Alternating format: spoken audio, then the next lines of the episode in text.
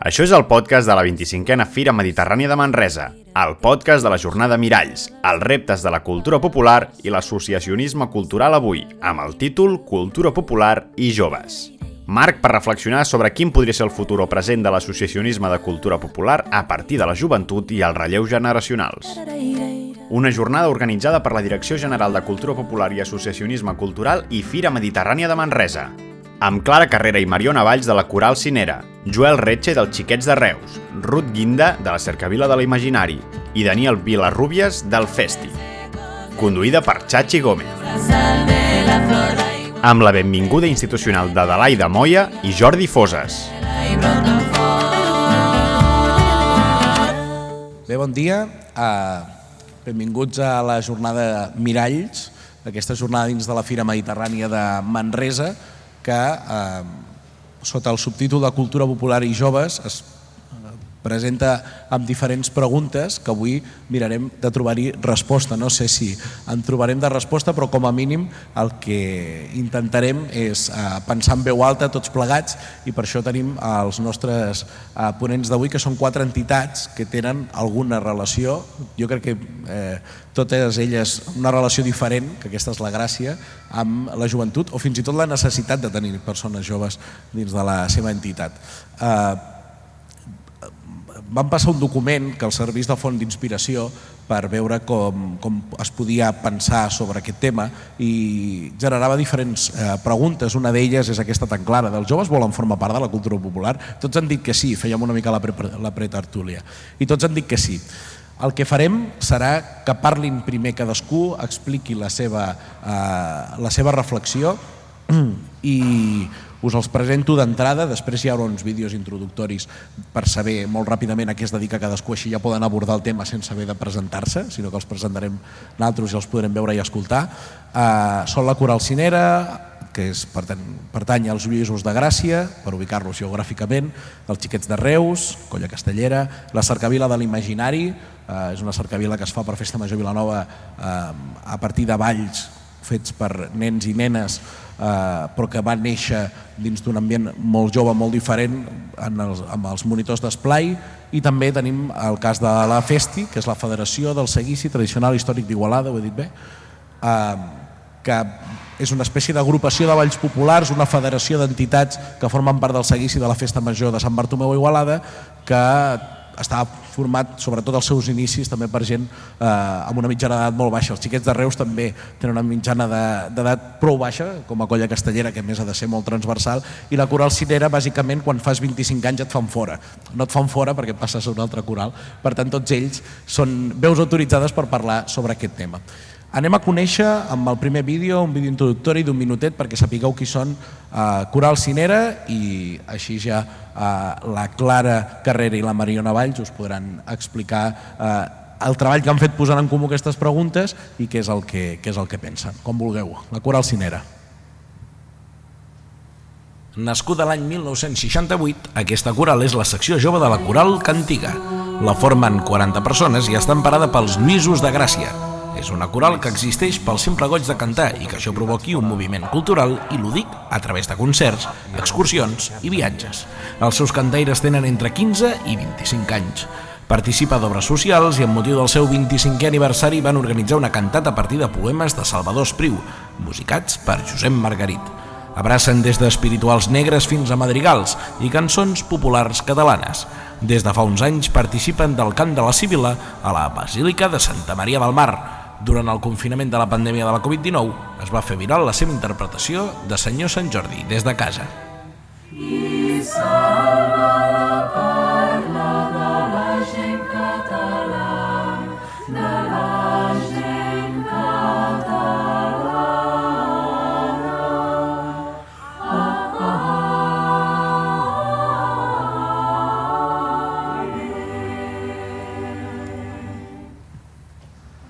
Perdoneu, abans que comencin i després de sentir-los cantar fantàsticament, m'he oblidat de dir una cosa. Aquí darrere tindrem l'Àlex Pereira, eh, que farà una intervenció artística mentre ells van parlant eh, i que al final ens la presentarà i ens dirà eh, quin és el joc que ha trobat a partir del que ells van explicant. És gairebé una improvisació, així que estem, té final incert i així us quedeu fins al final per veure què resulta amb aquests quatre plafons, són quatre entitats, per tant, per qui aniran les coses. Eh, I ara sí, endavant. Gràcies. Bueno, moltes gràcies primer de tot per convidar-nos aquí eh, en aquesta jornada de Miralls i bé, hem estat plantejant el, eh, la ponència des de les preguntes que ens, que ens vau proposar i eh, primerament volíem dir que, que una de les um, qüestions amb què ens trobem en el món coral i més particularment que hem pogut veure, comprovar amb, la nostra coral de joves és que eh, hi ha una problemàtica i és que en els últims anys hi ha una falta de demanda, hi ha una davallada de cantaires que hem pogut uh, veure amb l'evolució doncs, de, de, la, de la quantitat d'anys que portem tant, tant la Mariona com jo al cor. Um, quan jo vaig entrar érem 40 persones, ara en som 17, que estem remuntant hi ha hagut una època de, de, de, de crisis, de, de buscar cantaires. No?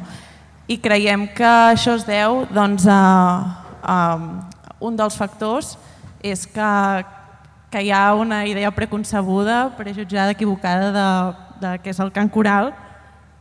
Um, hi ha una concepció esbiaixada que a vegades es relaciona molt amb l'Església directament uh, o amb una concepció més caduca o, o antiquada, quan en realitat uh, és un, un lloc de lleure on anem els divendres a trobar-nos i aprenem cantant i, i fem moltes activitats junts i es generen, es generen vincles molt macos.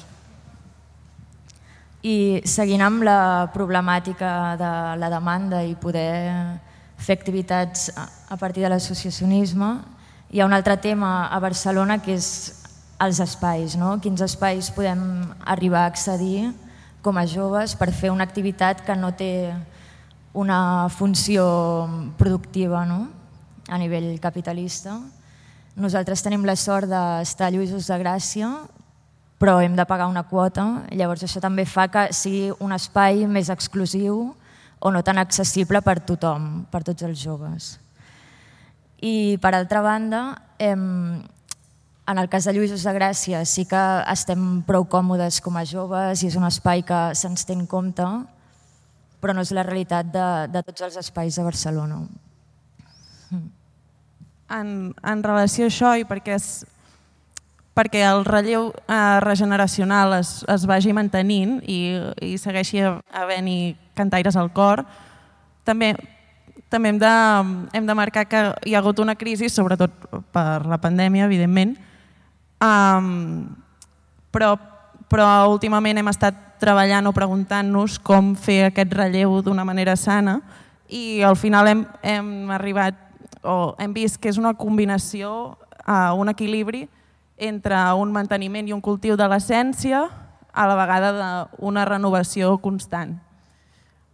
Uh, manteniment de l'essència, doncs en el nostre cas és uh, seguir fent el cant de la civil a Santa Maria del Mar, uh, um, mantenir tradicions més quotidianes, que és uh, fer dirigir el cantaire que ha fet l'aniversari la mateixa setmana d'assaig, um, recuperar cançons de la història del cor i tornar-les a treballar.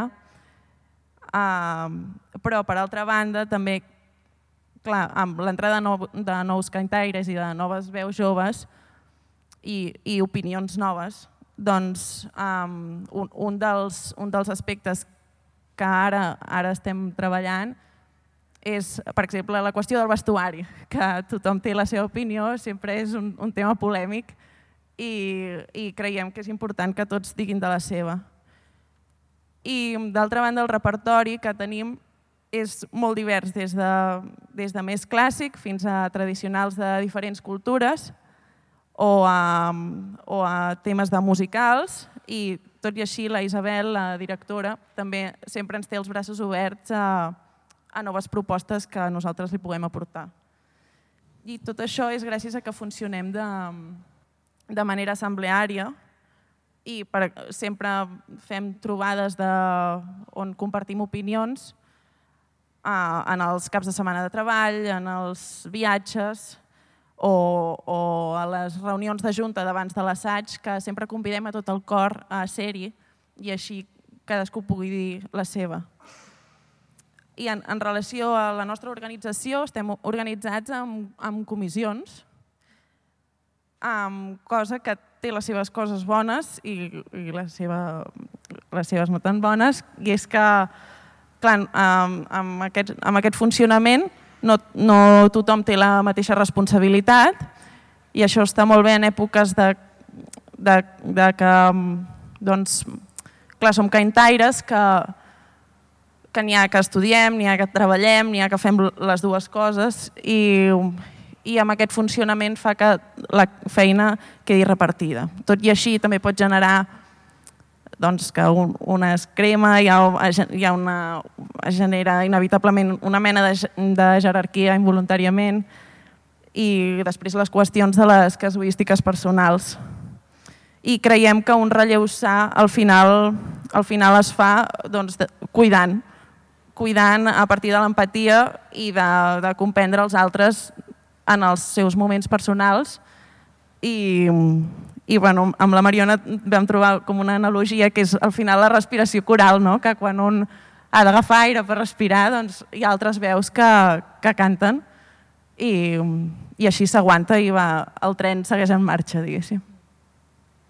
Sí, i lligat amb aquest tema del relleu, és molt important la intergeneracionalitat, no? perquè els que tenim més experiència doncs, som més grans i és molt important com la gent jove es va incorporant i és cert que hi ha com una mica de prejudici de compartir espais amb gent més gran, no hi estem acostumats, però en el nostre cas, com que al ser una coral no hi ha competitivitat i llavors tampoc es generen rols de poder pel fet de ser més grans, i el tema de generacions TAP, tenim la sort de que l'interval és de 10 anys i es va com renovant constantment. Llavors no tenim uns adults que ens, bueno, que no ens deixen créixer, no?, d'alguna manera. I bé, en, en relació i, i per aquest manteniment que dèiem de, de que tot tiri endavant, hi ha la qüestió del compromís, que és un, un valor que en el nostre cas últimament, encara que l'estiguem que, que, que estiguem allà i cadascú estigui posant de la seva, s'ha trobat en desús eh, totalment.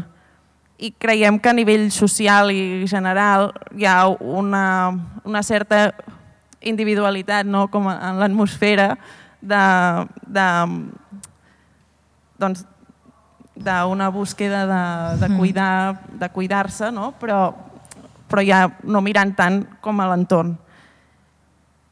També això creiem que potser és una qüestió de, així, parlant en, en termes generals, de, de que hi ha una, una diversitat d'activitats i la constància ja no es fa tant, mm. no? sinó que, que hi ha una, ja no hi ha una constància en una única pràctica.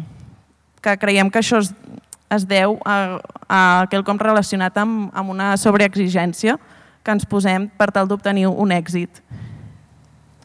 I, i bé, i el que dèiem també relacionat amb el compromís, el que ens manca és eh, ten, tenir compromís amb l'horari, eh, és, és l'etern dilema, eh, que, i també sabent que, que no, és una, no és una feina amb la que guanyaràs diners, doncs hi ha aquella sensació de doncs es pot arribar tard. I, i no perquè si no, si no hi ha compromís no, no, no funcionem. Sí. I concretament amb el cant coral, bueno, va molt lligat amb el que has dit, que és una activitat que no és productiva, s'hi va per guanyar una experiència, coneixements musicals, per compartir un objectiu col·lectiu, i no estem gaire educats en aquest sentit. No? Llavors, la manera d'arreglar-ho sempre és amb educació, amb generant empatia, estima cap al projecte i sempre és mantenir un equilibri entre el, el que es demana i el que la gent participant pot aportar. Sí, i, I per anar acabant, eh, la qüestió de si l'associació és una eina, un objectiu, creiem, hem arribat a la conclusió que és un equilibri, que hi ha una dependència de l'un amb l'altre, ja que sense una cosa no pot existir l'altra, en el nostre cas almenys, ja que cantar pot ser l'eina per ajuntar la gent i sense ajuntar la gent no pots cantar. I bé, i aleshores per, per acabar volíem compartir tot el vídeo dels... dels... Abans, abans del vídeo, deixa'm que, que us faci un parell de preguntes. Uh, M'agrada molt perquè la resta de, de, de ponents d'avui, o gairebé tertulians, que acabarem fent una tertúlia, anaven fent que sí amb el cap, anaven anotant, i jo suposo que ja sortiran problemes comuns. Va, vosaltres quin creieu que és uh, l'assignatura pendent parlàveu del compromís, per exemple, quina creieu que és l'assignatura pendent de dir, ostres, si milloréssim això, milloraríem molt en general el resultat, per dir-ho així. No sé si, si us aventuraríeu a dir-ne una o dues. Mm. Com de solucions per millorar. Però, per exemple, hi ha el compromís o hi ha... Eh, el, el, el que vosaltres diu, no? les cures entre la gent de, de la coral, l'empatia, si diguéssiu, ostres, aquest és el principal problema que tenim, si el solucionéssim aniríem molt millor. Pot ser el compromís, eh, que a vegades es diu, oh, és que els joves no tenen compromís, no? és una fase una mica cunyada, però és, que es repeteix sovint. Sí, sí, jo crec que és una, una situació totalment eh, basada en el compromís i que l'any passat Uh, vam fer un, un toc d'atenció al respecte i això sí que va servir per, mm. perquè la gent es rementalitzés i, i de cop el, el següent assaig tothom hi era l'hora, no? Després ha tornat a baixar una mica la, com, com es fa un toc d'atenció en una cosa que, òbviament, la gent no s'hi guanya la vida, ho fa per passió. Com es fa un toc un toc, un toc d'atenció o posar uh, disciplina, per, mm. per dir-ho d'alguna manera? Jo crec que és la, comunicar aquest malestar de, de la directora o de la gent que, que sí que té un compromís i és generar aquesta empatia cap a, cap a l'altre al final, no? perquè tu a la que veus que, bueno, que se't necessita no? d'alguna manera. L'únic que a vegades també és confiar en que la gent si no ve és per algun motiu o sigui que és, és trobar aquest equilibri tota l'estona creiem que és un treball constant, perquè sempre, sempre estem treballant i la directora no ho entén. Mm, no sabem, a, a veure si avui podem trobar alguna solució, potser. Clar. I una pregunta que és claríssima i és l'última i passem a veure el senyor Sant Jordi que es va fer viral de la Coral Cinera el dia de Sant Jordi de la dura pandèmia. Do, dos preguntes molt ràpides. La primera és, teniu la secció adulta o que és la Coral Càntiga, Cantiga, perdó, eh, passa a vegades aquesta confusió, Cantiga, eh, creieu que sou més delicats o delicades a l'hora de tractar aquests temes que els adults, que creix, es creix d'una altra manera ara? Veieu replicades aquestes actituds en, en la coral adulta? Bueno, jo crec que sí, que a mesura que anem pujant les generacions hi ha com més cuidados, no?, d'alguna manera, però clar, la coral cantiga també és molt més professional uh -huh. i mhm. tenen molta més exigència i un cop ja ets adult i ja tens clar que, bueno, que estàs allà, que hi dediques aquell temps jo crec que és una altra manera de funcionar també. També eh, aquesta, aquesta qüestió, ells són unes, uns 50 cantaires i clar, eh, nosaltres ara al C17, si en falten 7, ja a vegades dèiem fem un cor de cambra, aleshores canviem, coral cinera, sí. cor de camp, no? Mm, bé. Ara, per acabar, un càlcul molt ràpid. Quin percentatge de gent passa quan, quan fa els 25 anys de la coral cinera a la coral cantiga? Uh, la majoria? O es perden més de la meitat pel camí?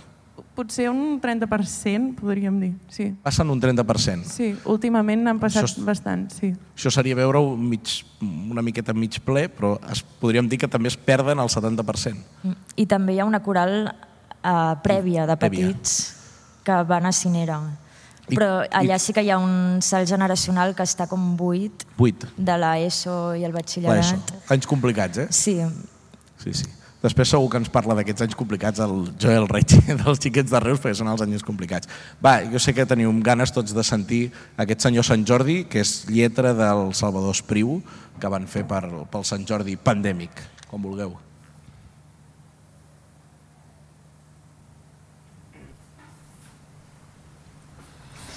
Senyor Sant Jordi Patró, cavaller por, guarden sempre el crim de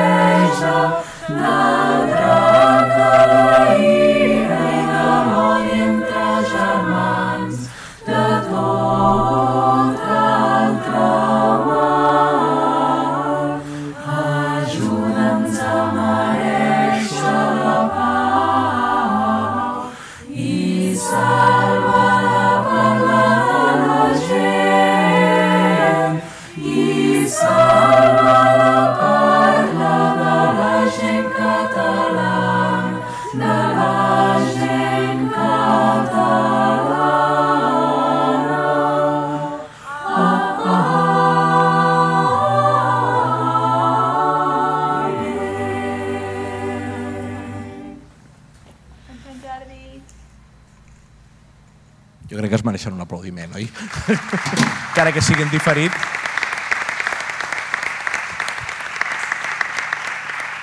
Moltes gràcies, Clara i Mariona.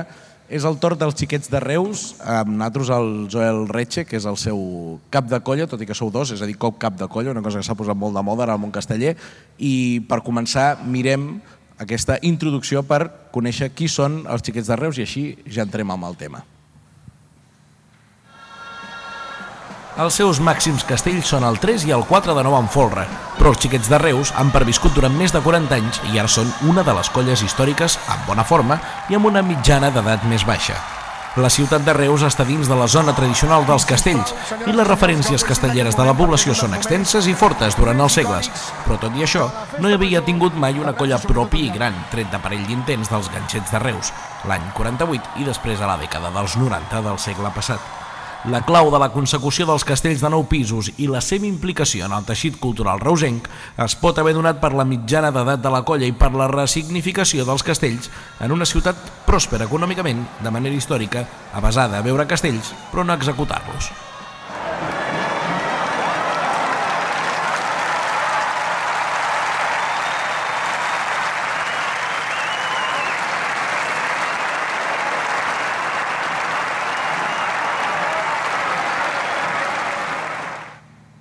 Joel, intent vàlid per tu, quan vulguis.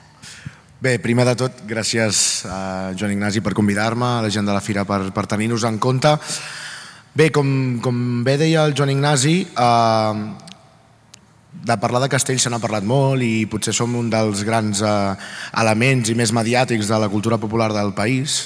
Potser a vegades també se'ns dona més espai que altres iniciatives, motiu de, de crítica per a alguns companys i totalment comprensible perquè és veritat, moltes vegades acaparem molt d'espai, no?, el que és, eh, diguem-ne, l'exposició pública de la cultura catalana, però sí que és veritat que el cas de, de la nostra colla dels Xiquets de Reus, que com bé deia el Joan Ignasi vam, vam néixer el 1981, per tant som, diguem-ne, de la segona fornada de colles que neixen al país, tenim les colles diguem-ne, històriques i després entre els 60 i els 80 hi ha una primera eh, fornada de formacions que es van creant arreu del país i aquí naixem nosaltres, al mig de la zona tradicional, entre Valls i Tarragona, en una ciutat eh, típicament gegantera, Reus sempre s'ha conegut per ser una ciutat molt gegantera, amb unes peces precioses, amb uns gegants preciosos, i amb una plaça que sempre havia rebut eh, colles de fora, però que mai havia tingut una colla pròpia.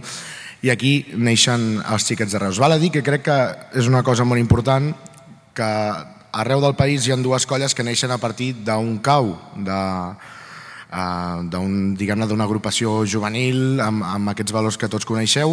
Una és Minyons de Terrassa i l'altra som nosaltres, som els xiquets de Reus, que els nostres orígens venen del, del cau de la Molassa, el cau per excel·lència de la ciutat de Reus, i també vinculats a Carrutxa, una entitat eh, diguem-ne que gràcies a Déu s'ha dedicat durant anys i panys a recollir eh, tota la història del, del nostre teixit associatiu i cultural, de les nostres tradicions i una, una mica la barreja aquesta entre Carrutxa i el Cau eh, va fer néixer Xiquets de Reus. Us explico això perquè crec que és important per entendre també la nostra forma de pensar els castells. El fet de néixer des d'una associació juvenil i ens fa entendre els castells d'una forma diferent. Diguem-ne que la colla va ser la sortida dels caps d'aquell cau, que quan se'ls va acabar l'època de ser caps, doncs van buscar una forma de continuar vinculats al, a la cultura popular i la seva forma en aquell moment va ser la de crear una colla castellera. A partir d'aquí, la nostra colla ha tingut molts alts i baixos, eh, diguem-ne que des del 81 que naixem fins al 96, aquest 3 de 9 que veieu a la plaça de Toros de Tarragona, va ser el nostre punt d'inflexió. Eh, des del 81 fins al 96, 15 anys de progressió continuada, d'entrada de gent jove, d'entrada d'adults, d'una miqueta aquesta intergeneracionalitat eh, que, ven, que venem als castells i que és, és real, però que es va produir amb, a la ciutat. I una vegada arribem a aquest sostre, aquest 3 de 9 en folre, que en aquell moment ens col·loca entre les 5 primeres colles del país, eh, ve la primera clatellada de realitat. I crec que això que us dic ara m'ajudarà també després a reconnectar-ho al final perquè eh, per molt que la colla haguem complit 40 anys, diguem que allò va ser la primera part del projecte. No? La gent que es va vincular des dels inicis va arribar fins al 96 i un cop es va arribar amb aquest 3 de 9 en folre com a fita, diguem-ne, final, va haver-hi una gran davallada de gent tant a, a nivell de gent que pujava a les estructures com a nivell de pinya i per tant la colla va anar progressivament perdent el nivell fins que ens situem al principis dels 2000, 2001 en què la colla és incapaç de construir cap castell de 8 en tota una temporada passes amb 5 anys de fer castells de nou i d'estar, diguem-ne, a l'elit del món casteller a tocar fons i gairebé no poder fer ni un castell de 8 en tota la temporada. Aquí es va produir el primer relleu generacional de la colla,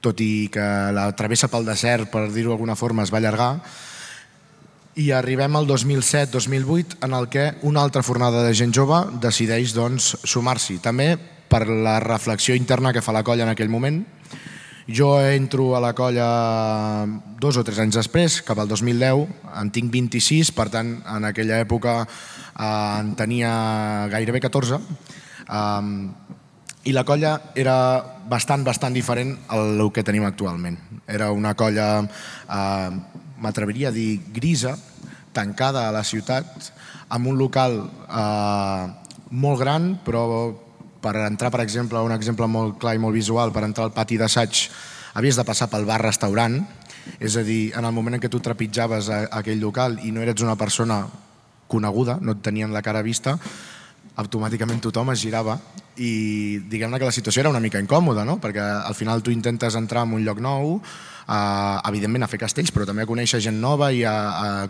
construir-te un cercle nou, i allò era una mica diguem-ne, una situació violenta, no? com que si no formaves part d'algunes de les famílies que formaven part de la colla en aquell moment, de les famílies històriques que encara aguantaven des del 81 o des de finals dels 80, eh, com que et costava més no? formar-ne part. Hi ha un gran punt, un gran punt d'inflexió, que és el 2012, en el que la colla fa una reflexió interna i decideix fer una reforma integral del local.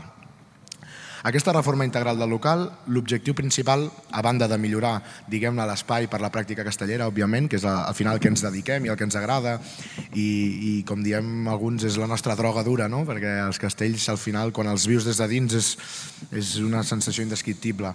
Però la, la reflexió principal era que la reforma havia de servir per obrir el local a la ciutat i sobretot a la gent jove, que fos atractiu, que tu passessis per davant i tinguessis ganes d'entrar, a veure què hi fan allà dins, a veure què passa. D'aquí que, eh, en aquest cas, decidim que el bar-restaurant es queda amb una banda del local, separat del local d'assaig, amb, amb activitat independent, vinculada, evidentment, a l'activitat castellera, però eh, amb un espai diferenciat, i eh, creem un gran vitrall a la porta del local des de que tu des del carrer, passant caminant, passejant el gos amb la família, pots veure l'assaig, l'interior del local. No?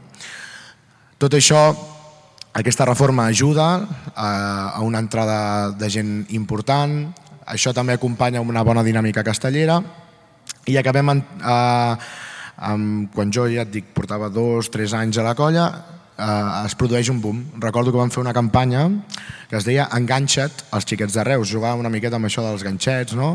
que més, com bé s'ha dit a la introducció, va ser la colla rival durant uns quants anys. Eh, per sort van desaparèixer. Però bueno, eh, vam jugar amb aquesta campanya de l'enganxa't als xiquets de Reus i va funcionar molt bé amb, un target concret d'edat. M'atreviria a dir d'entre els 15 a 16 anys, un cop, un cop acabes la secundària, fins als 25-26.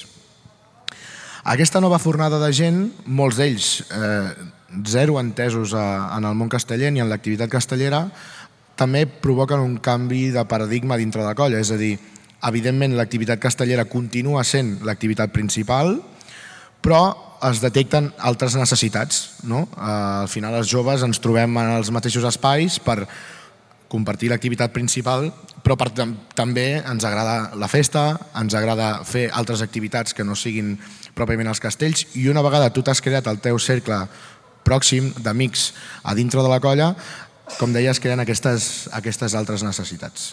Llavors, eh, aquí entra doncs, també quin paper juga el jovent dintre de la colla, i que coincideix aquest paper del jovent a la colla amb un relleu generacional necessari, perquè al final estem parlant d'una colla de 40 anys, per tant, hem de parlar de que la gent fundadora de la colla, mal, malauradament alguns d'ells ens han deixat, molts altres eh, tenen una edat ja considerable i per molt que molts d'ells segueixen continuant formant part de l'activitat diària de la colla i venen als assajos, evidentment ni el nivell d'implicació és el mateix, ni tampoc se'ls pot exigir el nivell d'implicació que havien tingut anys enrere. No?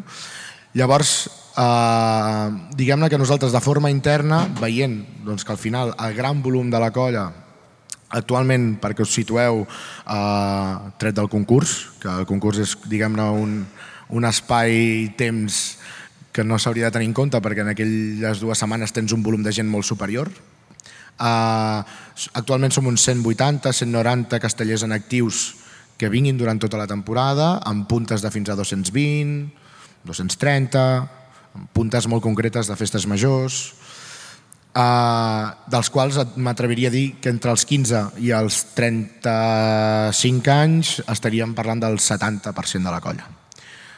Uh, això significa, una, que hi ha hagut un relleu generacional i que, per tant, la gent que ja portem uns anys a la colla i que tot i ser molt joves, vaja, encara m'hi considero, hem hagut de fer una passa endavant, eh, però no hi ha hagut, diguem-ne, un relleu progressiu.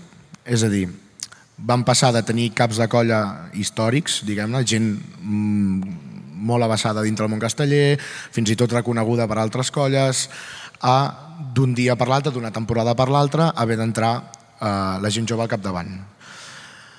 Uh, tenim més o menys els mateixos, crec, problemes que qualsevol altra entitat uh, cultural on hi ha tant de moviment de gent. És a dir, al final gestionar 200 persones a nivell logístic ja és molt complicat, però a nivell tècnic, per intentar superar-te dia darrere diada i tenir una planificació eh, i assolir els teus objectius amb les puntes de la temporada, també és complicat. Però sobretot m'atreviria a dir la gestió emocional de la colla. Uh, just abans de la pandèmia entren els primers caps de colla de la, a la nostra colla que provenen del món casteller universitari. És a dir, que a banda de fer castells a la seva colla convencional, havien fet castells amb la seva colla universitària. Uh, durant els anys d'universitat, no sé si ho sabeu, hi ha diverses colles als diversos campus de Catalunya que doncs, durant els anys que fas la carrera pots fer castells.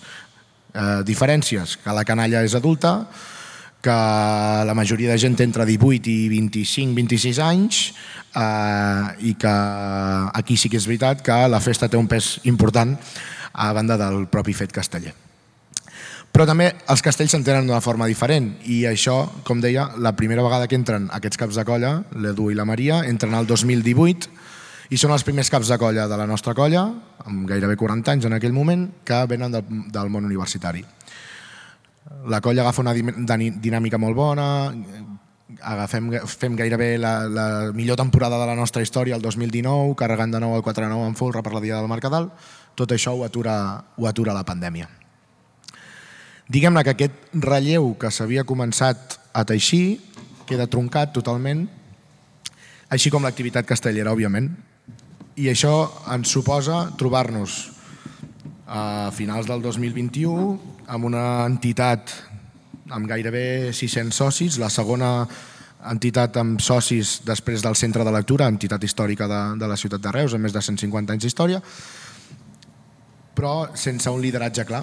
No hi havia ningú disposat a agafar la responsabilitat que comporta portar una colla de 200 persones, una colla de les punteres del país, un nivell d'exigència des del març que comences a assajar fins a finals d'octubre en el que gairebé la colla es converteix en la teva vida, en la teva rutina, i anem a la primera assemblea, no surt cap candidatura, anem a la segona assemblea, no surt cap candidatura, i arribem a una tercera assemblea.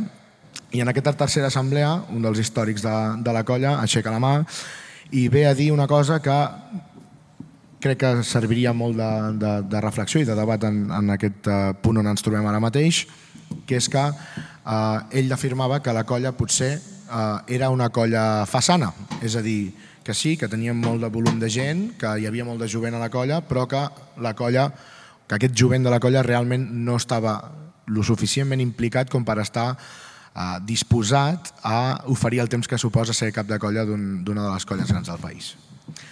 Uh, en aquesta reflexió, uh, servidora aixeca la mà i diu que, que no està d'acord amb això, que sí que és veritat que, que s'estava estava, complicant el fet de trobar una, algú que volgués dirigir la colla, però que hi havia gent que estàvem disposats, però que creiem que ni teníem l'experiència suficient en equips tècnics com per tirar endavant aquest projecte, un projecte de gran envergadura, com dic, i que també creiem que no era el nostre moment vital, perquè al final una de les frases que em van dir l'endemà de, de que l'assemblea ens aprovés com a caps de colla era que cap de colla s'és 24 hores al dia, 7 dies de la setmana.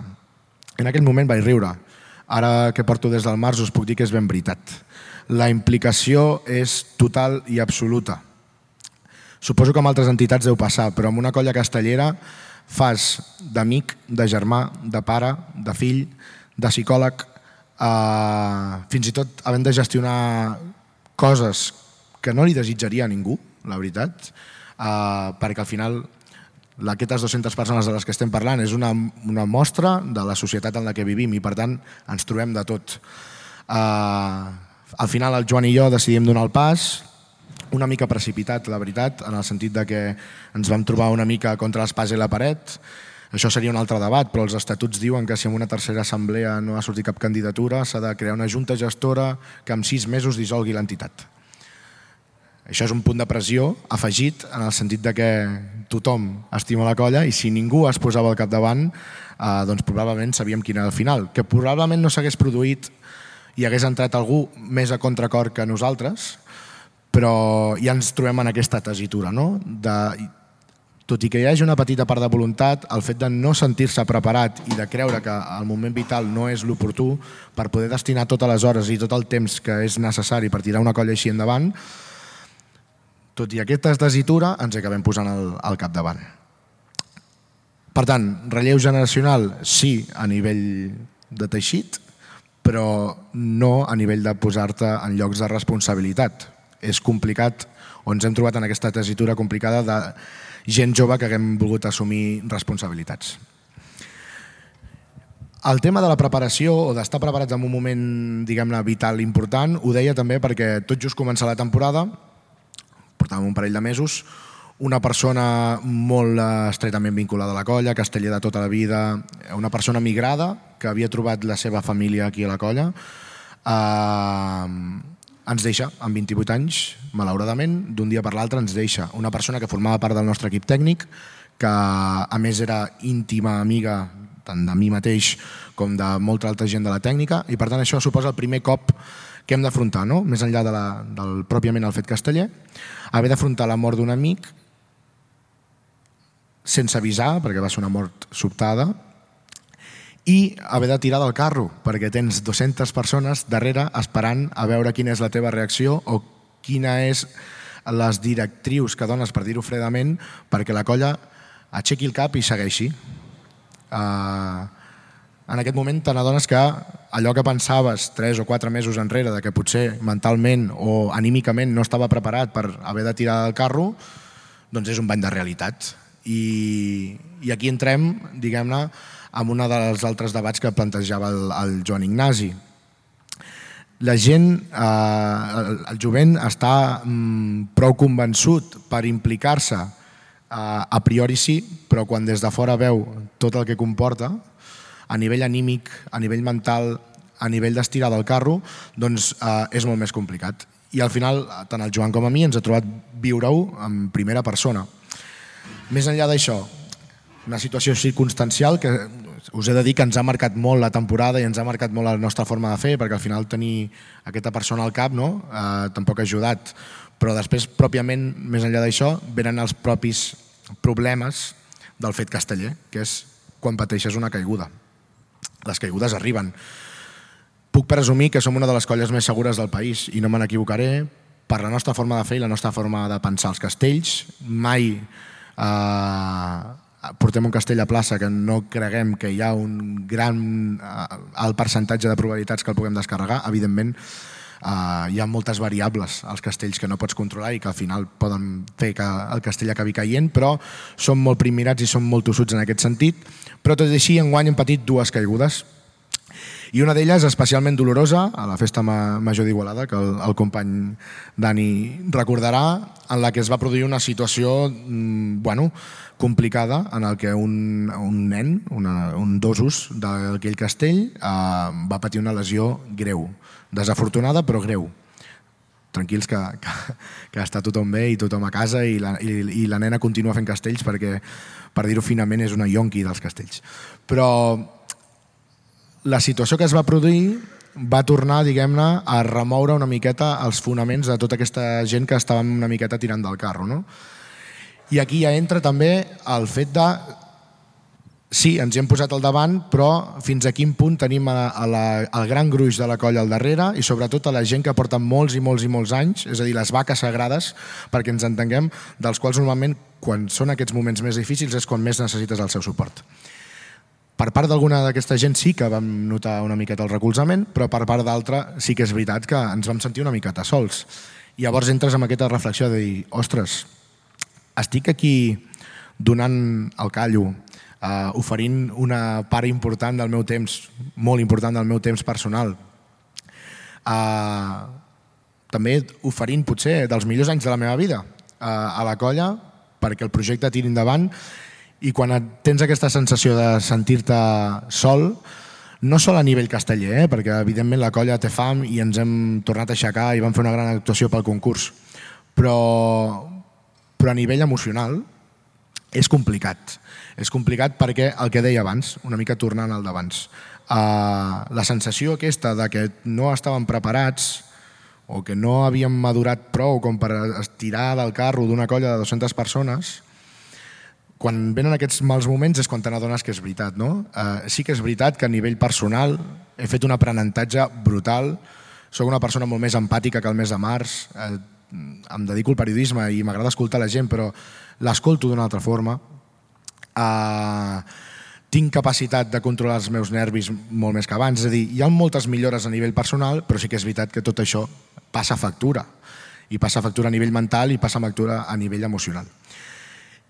A tot això, en resum, el que volia fer-vos veure amb aquesta xerrada, que ha sigut molt de, de, de sensacions personals, però que crec que es donen en moltes altres situacions de la vida i també d'entitats culturals, quan has de tirar del carro eh, d'una mica una forma més o menys obligada, no? evidentment la, la, la decisió de posar-nos-hi al davant va ser totalment voluntària, però també veus una miqueta la pressió de l'entorn, eh, és que en molts casos uh, fins que no t'hi trobes, fins que no fas el pas, no, no sabràs el que és. Per tant, consell, fes, fes el pas. Saber que hi haurà molts moments durs és veritat. Que en aquest sentit el relleu generacional ha d'estar garantit, sí, però que aquest relleu, o sigui, els que els hi fas el relleu han de seguir al teu costat, perquè hi haurà moltes situacions en les que et trobaràs en les que, eh, per molt que siguis conscient, o t'ho hagin explicat, fins que no t'hi trobes no n'ets conscient. I per tant necessites aquella gent amb experiència prèvia perquè et donin recolzament o perquè moltes vegades et tornin a reconduir una miqueta. I a partir d'aquí, eh, l'altra reflexió que també ens plantejava el Joan Ignasi, l'entitat és la fi o és l'eina? En el cas de, del món casteller jo crec que és molt clar. Eh, l'entitat és l'eina, és el que et permet eh, constituir-te, el que et permet eh, trobar-te, el, que el, el que et permet tenir un punt d'espai, un lloc de trobada, i a partir d'aquí tot el que passa dins és qüestió de la gent, eh, i més en el món casteller. Si no tens gent, no fas castells. Contra més gent tens, més castells i millors vols fer. I això és una roda que no para mai. Per tant, eh, crec que l'entitat és l'eina per tirar endavant el projecte que tu vulguis. Pot ser un projecte molt ambiciós d'anar a fer castells de 10, pot ser un projecte d'anar a fer castells de 8 però eh, cuidar molt la teva massa social i crear una, gairebé una segona família dintre de la colla, però al final l'ei- l'eina és, és l'entitat.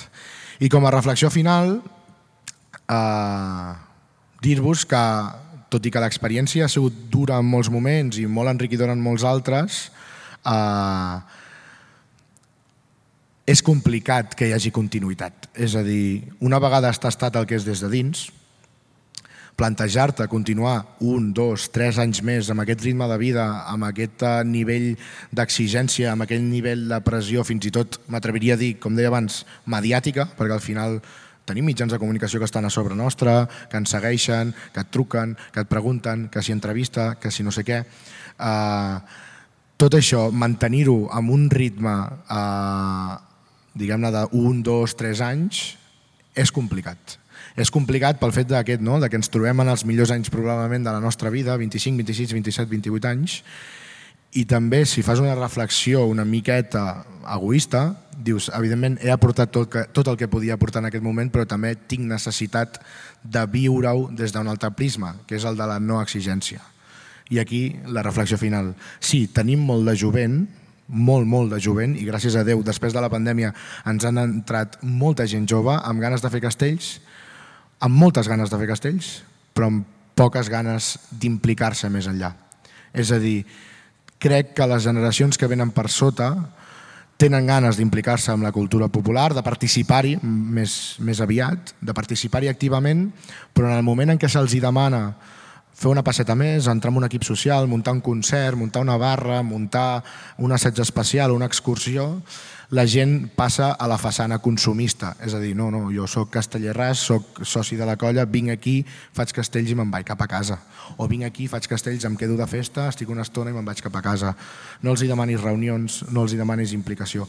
I això sí que crec que és una, una qüestió que haurem, anirem veient durant els pròxims anys, que serem pocs els pobres desgraciats que tindrem la voluntat i també en aquell moment els nassos de fer la passa endavant i d'oferir aquest temps a la nostra entitat, però eh, pocs els que tenen ganes d'implicar-se realment més enllà de fer la pròpia activitat. I res, fins aquí. Moltes Fantàstic, gràcies. moltes gràcies, Joel. Uh, realment, jo pensava fer allò, com una conclusió ara que arribem a la, a la meitat i me l'has tret de la boca. És a dir, ganes de fer la pràctica, eh, totes les del món, gent disposada a participar-hi, gent que li agrada moltíssima. Ara, quan toca tirar del carro, com es diu vulgarment, llavors ja costa una miqueta més. Uh, serà el torn ara de la Ruth Guinda, que és la presidenta de l'associació Cercavila de l'Imaginari. Uh, segurament és el cas més curiós de tots quatre, per tant, mirem el vídeo que ens introdueix a què és la Cercavila de l'Imaginari.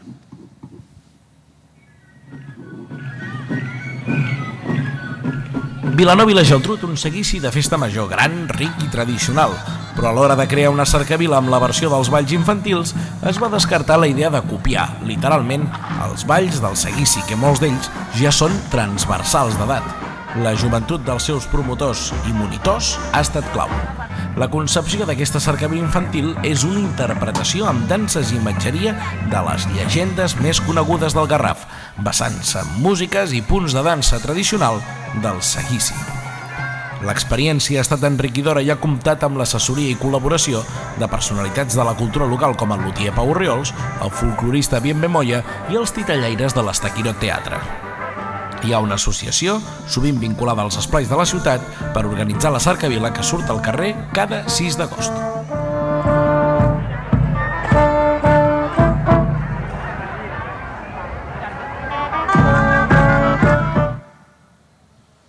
Doncs Ruth, eh, com vulguis. Molt bé. Bon dia. Eh, primer que res, també agrair-vos la, la invitació a participar en aquestes jornades.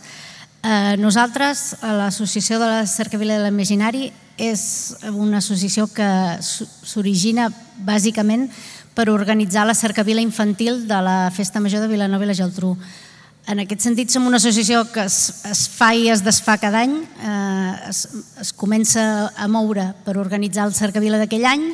El dia 6 d'agost sortim a la Festa Major, l'endemà recollim tot el material i ja no ens tornem a veure fins, fins l'any següent per organitzar la següent cercavila. O sigui que no tenim un funcionament durant l'any. Eh, dintre l'associació hi ha dos, dos tipus de, de membres o dues maneres de participar-hi. Una són els balladors, que són infants i joves de la ciutat entre 6 i 16 anys. Eh, en aquest sentit, el, el relleu generacional està sempre garantit perquè els balladors s'inscriuen cada any per poder participar en la cercavila d'aquell any. Mm, eh, Depèn de la demanda que hi hagi, eh, en el cas de que superi la quantitat de places que, que hi ha per, en els balls, en aquells casos es fa un sorteig. Eh, si no, doncs, doncs amb, els, amb els nens, que eh, nens i joves que s'han inscrit, doncs, eh, organitzem els diferents balls. D'aquesta manera es garanteix això, que, que cada any tinguis l'oportunitat de poder ballar i, i que, que el ventall de, de gent aquí, aquí que, que té la possibilitat de fer-ho sigui el més gran possible. O sigui, tothom, tothom es pot inscriure cada any tenir l'opció de, de participar en algun dels balls. També està garantit el relleu en el sentit de que cada ball es, eh, està format pels nens i, nens i nenes i joves d'un- d'una edat concreta. És a dir, que si tu t'inscrius cada any i vols participar cada any de la cercavila, cada any ballaràs un ball diferent, perquè a mesura que vas creixent doncs vas participant en els diferents balls. Eh, el que és una realitat és que el gruix de les inscripcions és dels nens més petits, els nens de 6, 7, 8 anys són els que s'inscriuen més a, a la cercavila i a, mesura que es van fent més joves, més grans, ja anem perdent alguns pel, pel camí, però bueno, això també ja, ja hi contem en això i està previst i, i, i, i és, és, bueno, dins de la, dels diferents balls es, solventa ampliant les franges d'edat de- dels més grans. Um, també eh, l'objectiu de, de fer-ho així també des de l'inici de, de la creació era per, per començar a crear el planter de, de, de gent que participaria a la cultura popular, que molts d'aquests d'aquests nens i joves, quan són més grans, van passant als balls de la cercavila dels adults. Eh, en els balls que ja agafen nens petits o ja quan són més grans doncs, participen en altres balls. Eh, els balladors és una manera de, de participar de la cercavila i l'altra manera són els monitors d'aquests balls, que en aquests casos som els adults, els joves i adults que, que formem més part de, l'associació, diguéssim, som l'equip més estable de l'associació, que som els que organitzem la cercavila, ensenyem, ensenyem els balls als nens i, bueno, i, i, i organitzem tot, tot, el, tot el tinglado aquest de, del cercavila. Eh, en aquest cas sí que és un equip més estable perquè la majoria ens mantenim d'un any per l'altre. Eh, sí que hi, hi poden haver baixes i altes i, i noves incorporacions i, bueno, i funcionem sobretot amb grups petits perquè a part de formar part de l'associació cada un de nosaltres pertanyem a un dels balls. El meu, per exemple, és el Ball de Pescadors o el Ball de les Barquetes i cada equip de 4, 5, 6 persones eh, som els que ensenyem aquell ball, els que anem mantenint el, el, el bestiari i, el, el, els complements de, de cada ball. Um, pel que fa a la, a, a la pregunta aquesta que ens deia, si, si els joves volen formar part de la cultura popular, eh, en el nostre cas, eh, com que es participa més de manera individual, sí que hi volen formar i sí que, sí que van, es van afegint joves. eh, jo que sóc de Vilanova i, i que hi ha, a Vilanova hi ha moltes associacions, eh, a mi em dóna la sensació més que quan, quan els joves com a col·lectiu volen organitzar alguna cosa, els és més fàcil fer-ho en, una, crear una associació nova i fer-ho a part de les associacions que ja existeixen, que en molts casos hi ha adults al davant que et, compliquen les coses o que, o, o que ho fan tot una miqueta més difícil. Però en el nostre cas, que, que l'objectiu és fer sortir la cercavila, és més fàcil que, que els joves s'hi puguin, puguin implicar.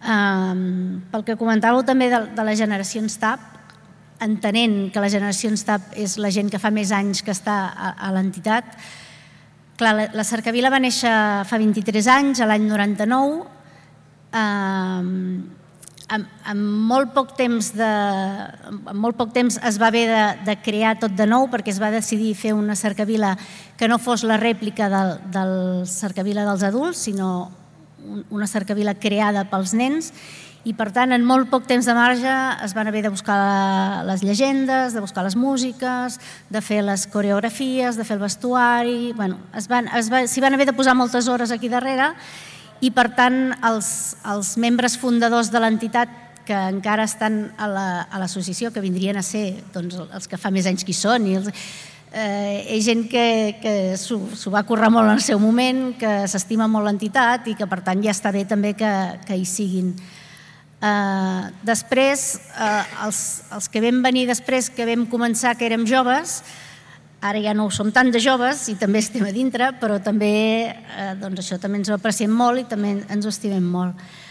Eh, després, entremig, hi ha una generació que ens falta, que l'altre dia parlant, preparant les, les jornades amb amb el Joan Ignasi, ho comentàvem també, hi ha una generació d'entremig al voltant dels 30 anys que, que no està tan representada dintre l'associació.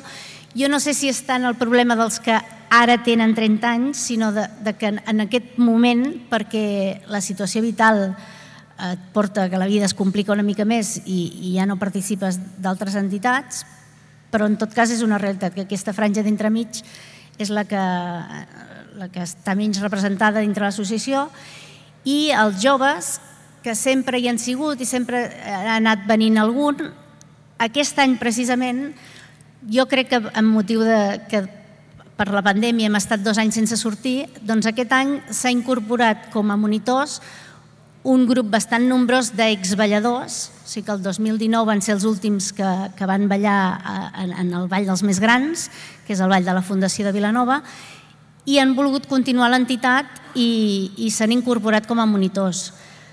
La veritat és que molt bé, eh, molt participatius, amb moltes ganes de col·laborar, Clar, sobretot perquè han viscut l'entitat des, des de petits, diguéssim, des, també des de dintre, formant part mm, com a balladors de, dels diferents balls.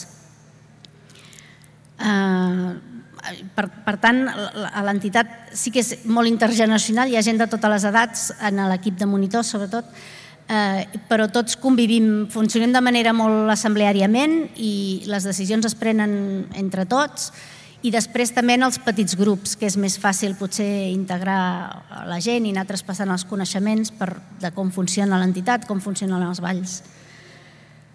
Uh, jo també crec que en, en el nostre cas l'associació és l'eina, el nostre objectiu és que el Cercavila surti cada 6 d'agost i l'associació és l'eina perquè això sigui possible i, i a través d'això doncs, eh, es fa grup, es fa col·lectiu i, i es, va, es va col·laborant en, en les feines que, que faci falta. I més o menys, bueno, no sé si... Jo et volia fer... Sí, sí. Eh, m'ha semblat molt interessant dir els últims balladors han passat a ser monitors. No sé si això havia passat alguna vegada.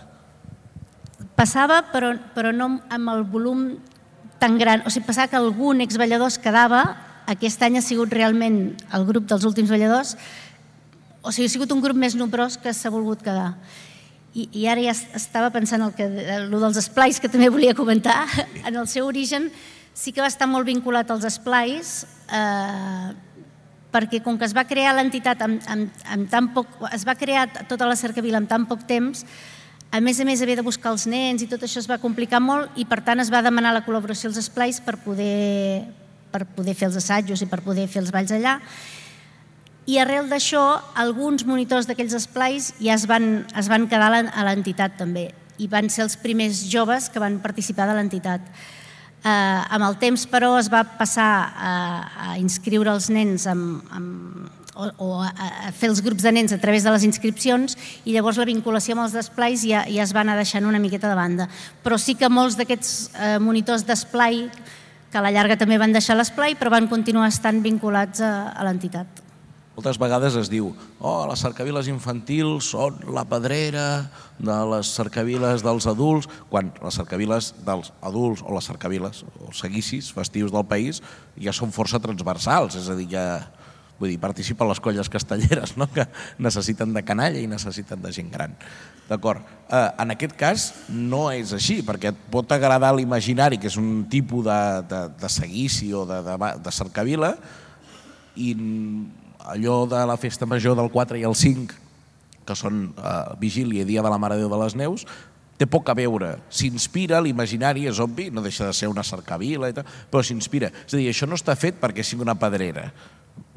No, però, però una mica sí que, Entre el sí que ho és, eh? Sí, sí, sí. A veure, hi ha de tot. Hi ha nens que s'inscriuen un any i ballen i no tornen a ballar més.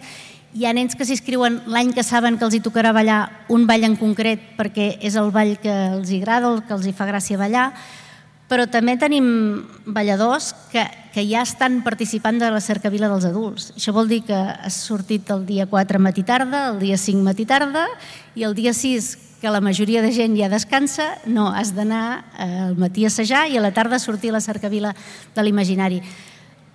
Són, bueno, és, és, són, són nens que ja tenen el, el, el cuc de la, de la cultura popular i de participar, de participar en, en activitats d'aquestes. Jo crec que hi ha una cosa més, molt interessant de la cercavila de l'imaginari, que és una sèrie de valors que inculqueu als nens a l'hora de la pràctica. De, és una pràctica de la cultura popular, com podria ser uns castells o una coral o qualsevol disciplina gairebé artística, no? artística, de la cult... per això és cultura també, en part, de la cultura popular, i és una certa, aviam, si trobo la paraula, no sé si és una seriositat o diria lligat amb el compromís que ha dit la Coral Cinera abans, que han dit la Clara i la Mariona, eh, a l'hora de fer la cercavila, no? També exigiu puntualitat, un cert comportament al carrer a l'hora d'executar les danses... Sí. Sí, eh, bueno, no sé si és un tret diferencial, però en tot cas és el, el que fem nosaltres. La, la cercavila ja es va crear co- com un, eh, com un espectacle tot ell en si, com, un, eh, bueno, com una continuïtat tot ella, tot i que cadascú pertanyem a un ball, pertanyem a la cercavila de l'imaginari, per tant, tot és eh, un, un conjunt. Aleshores, no es fan gaires assajos, però exigir o demanem a les famílies que participin de tots els assajos i que tinguin el compromís de venir i després, en el moment del cercavila, també eh, bueno, doncs hi ha un, un, la seriositat que deies, no? una, una manera Què els de hi dieu? Què els hi dieu als nens? Quin és el comportament que han de tenir?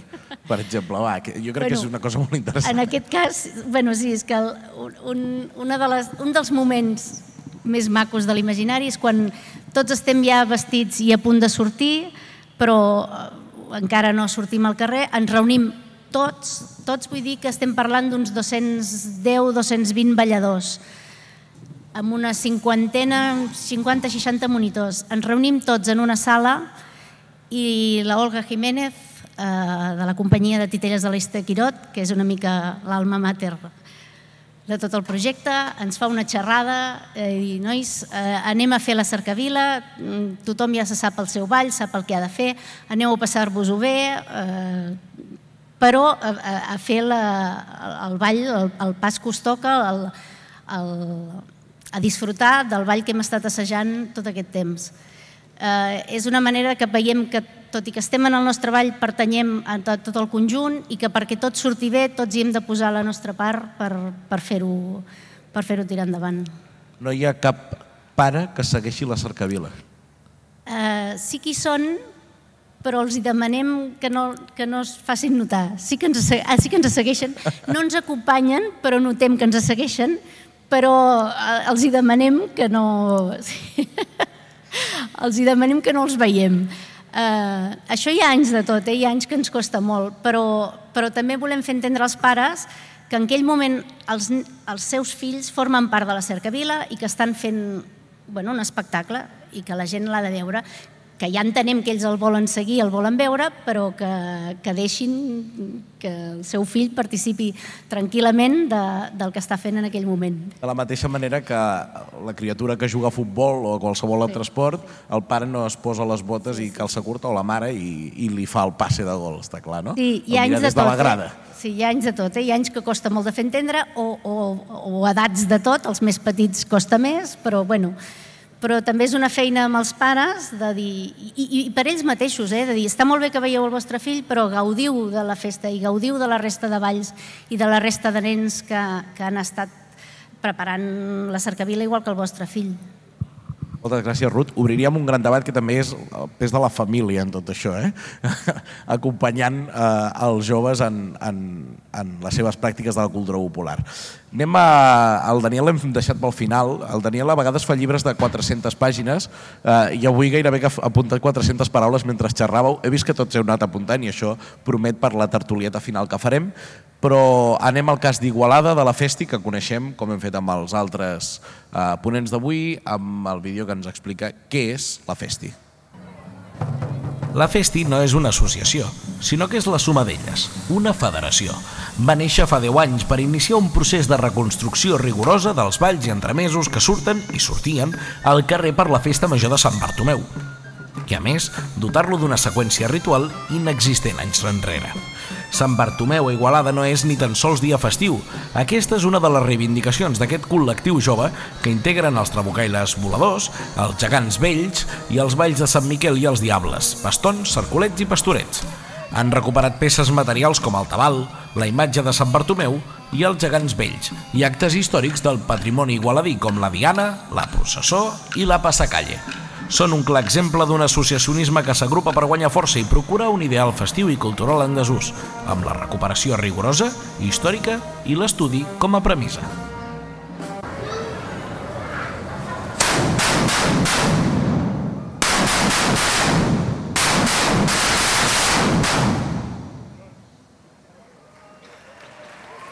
Doncs bé, ara la milloraríeu.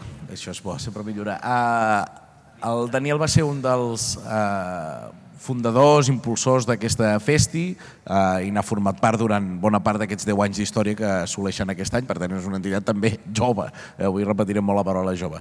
Daniel, com, com vulguis. Eh, Vilarrubias. Gràcies per convidar-nos.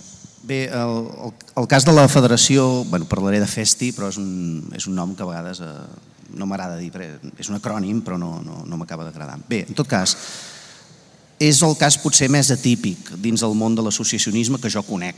eh. No volia venir jo avui aquí, però no ha estat possible i a més a més el Xachi li ha anat perfecte perquè alguns dels temes que surten jo els encarno vivament, és a dir, eh, i començo dient-ho, és a dir, jo vaig, a mi em van demanar que plegués i és l'exercici d'humilitat més bo i més sa que he fet a la meva vida, és a dir, no me'n penedeixo gens.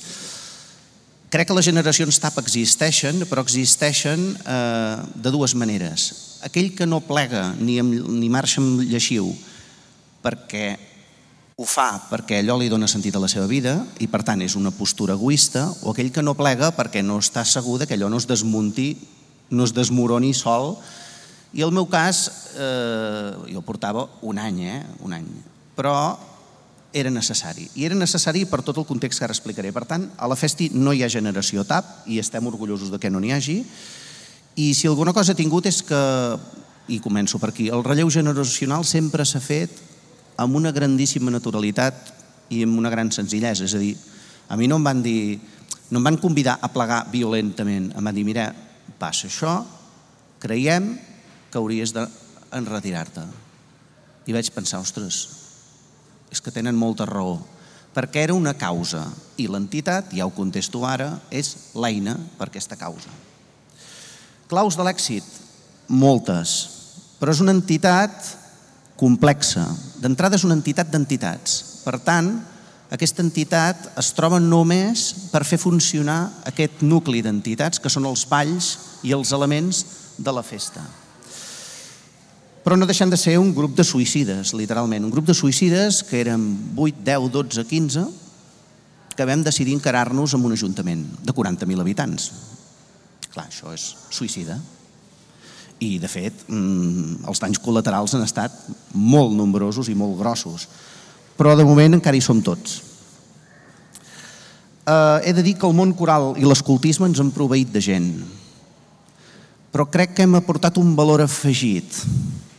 Suposo que, amb tots els respectes al món coral, que jo ahir vaig, fer vaig cantar una coral, eh? vull dir que hi canto, però potser crec que la clau de l'èxit en aquest sentit, recordaran aquell anunci de xocolates Valor?